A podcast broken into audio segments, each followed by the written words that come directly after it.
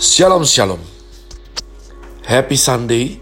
Selamat hari Minggu 21 November 2021 Kembali jumpa bersama saya Pendeta Caleb Hofer Bintor dalam anugerahnya. Penuh sukacita sampaikan pesan Tuhan melalui Grace Words Yakni suatu program renungan harian Yang disusun dengan disiplin kami doakan dengan setia Supaya makin dalam kita beroleh pengertian mengenai iman, pengharapan, dan kasih yang terkandung dalam Kristus Yesus sungguh merupakan kerinduan saya bagi saudara sekalian agar supaya kasih dan kuasa firman Tuhan setiap hari tidak pernah berhenti menjamah hati kita, menggarap pola pikir kita. Terutama adalah kehidupan kita boleh terbukti sungguh-sungguh berubah, nah Tuhan. Masih dalam season winter dengan tema multiply, Grace Word hari ini saya berikan judul pengakuan iman rasuli bagian ke-69 ya. Pengakuan iman rasuli saya juga tidak sadar kalau sudah sepanjang ini umat Tuhan. Tapi karena kita tidak terburu-buru, tidak dikejar deadline tertentu, maka saya ya sekeluarnya kita akan teruskan perjalanan ini bersama Sekali lagi mari kita membaca, saya berdoa supaya kita sudah bisa hafal warisan iman Kristen daripada para rasul Kristus secara langsung. Pengakuan iman rasuli.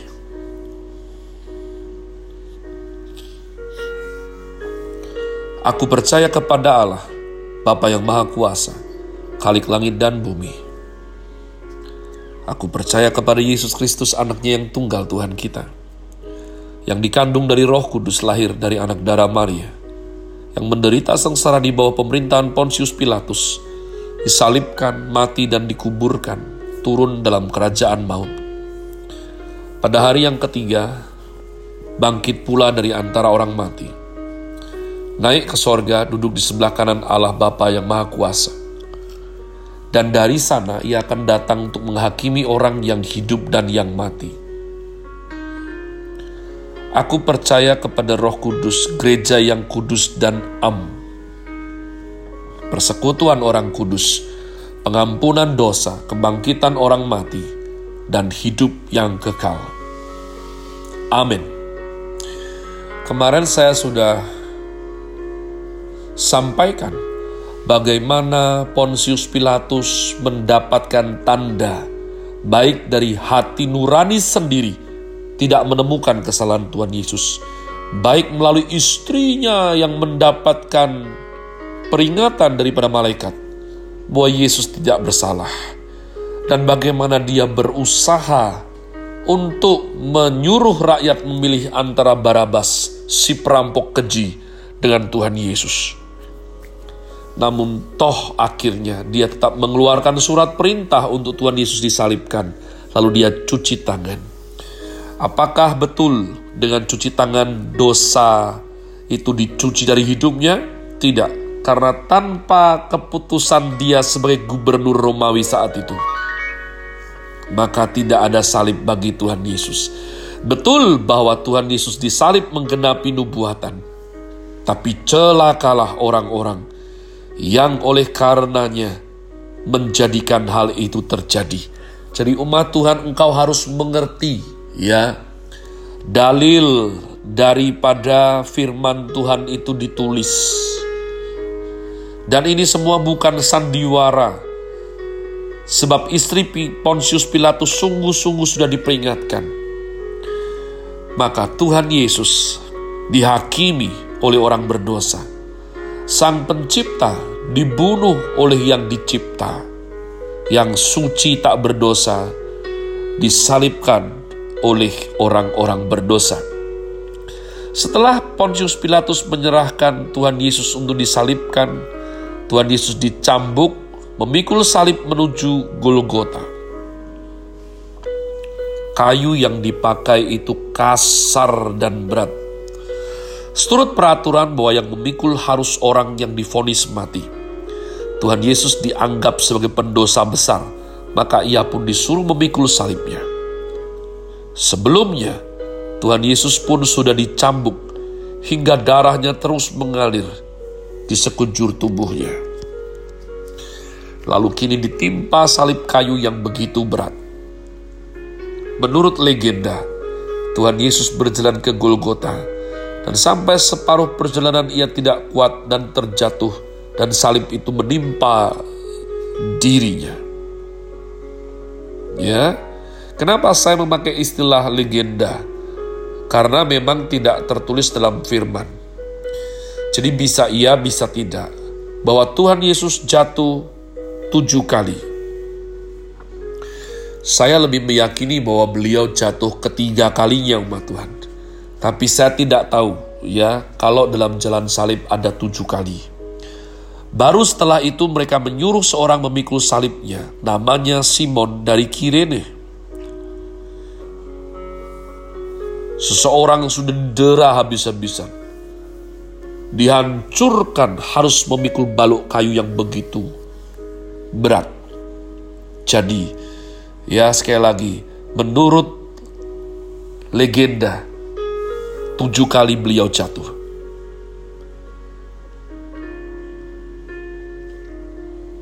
Di bawah pemerintahan Pontius Pilatus dan Romawi,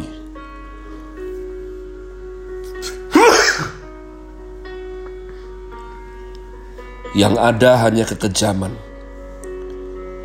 bukan peri kemanusiaan. Maka Simon Kirena terpaksa memikul salib. Mungkin Mungkin dalam hatinya ia benci sekali. Karena engkau aku sampai tidak bisa mengerjakan yang lain. Bukankah aku cuman menyaksikan tadinya? Kenapa aku mesti memikul salib menggantikanmu? Tetapi catatan sejarah ada kalimat seperti ini. Sambil memikul salib, sambil memandang Tuhan Yesus yang seluruh badannya penuh dengan luka, Wajahnya penuh dengan sukacita, damai, dan kasih. Meski seluruh badannya terluka, Tuhan Yesus dengan tenang rela menanggung dosa manusia. Rela menanggung murka Tuhan, menggantikan kita untuk Tuhan Allah adili. Ada juga yang berkata, setelah Simon melihat Yesus dipaku, ia begitu sedih dan menangis. Karena ia tahu bahwa orang ini baik. Ada juga yang mencatat bahwa akhirnya ia menjadi Kristen. Tuhan memakai segala cara mempertobatkan manusia. Ada yang awalnya membenci Tuhan Yesus, termasuk perampok yang ada di atas kayu salib. Memaki-maki Tuhan Yesus, tetapi akhirnya Tuhan Yesus bekerja.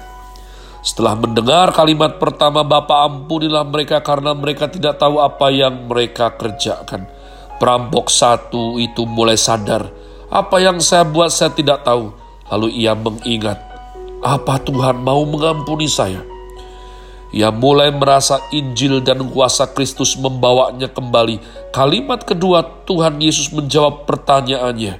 Yesus pada hari engkau kembali menggenapi kerajaanmu, ingatlah aku. Tuhan Yesus menjawab, Sesungguhnya aku berkata kepadamu, bukan hari itu, tetapi hari ini aku berkata kepadamu, hai perampok, hari ini juga engkau dan aku ada dalam perjamuan bersama dalam kerajaan Allah di Firdaus.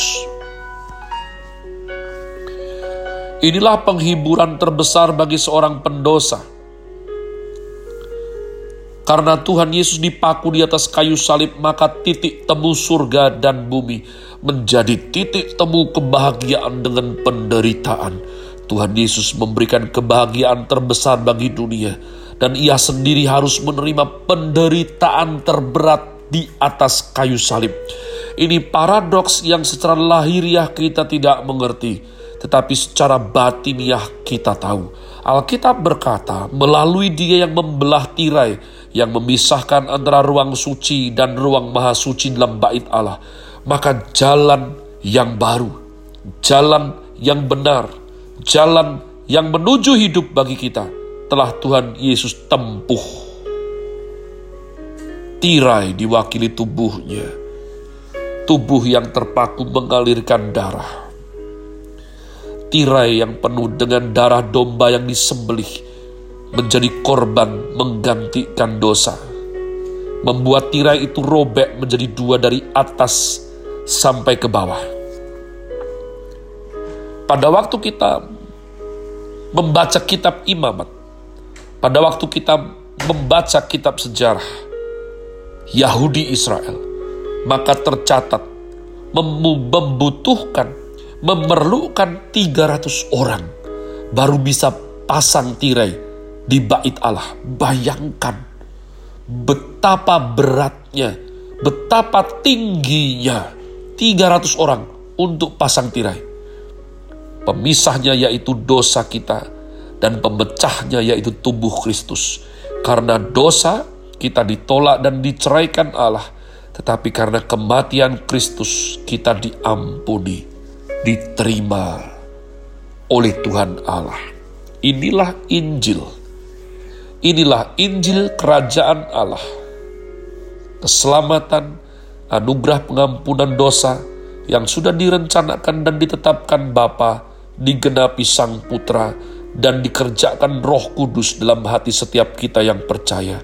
Sekiranya doa saya, biarlah sungguh Tuhan terus bekerja di tengah-tengah kita, dan biarlah kita tidak canggung, tidak takut tertolak untuk bersaksi kebaikan Tuhan dan memberitakan bahwa satu-satunya keselamatan di bawah kolong langit ini hanya ada dalam nama Yesus Kristus Tuhan. Happy Sunday. Tuhan Yesus memberkati saudara sekalian. Sola. Grazie.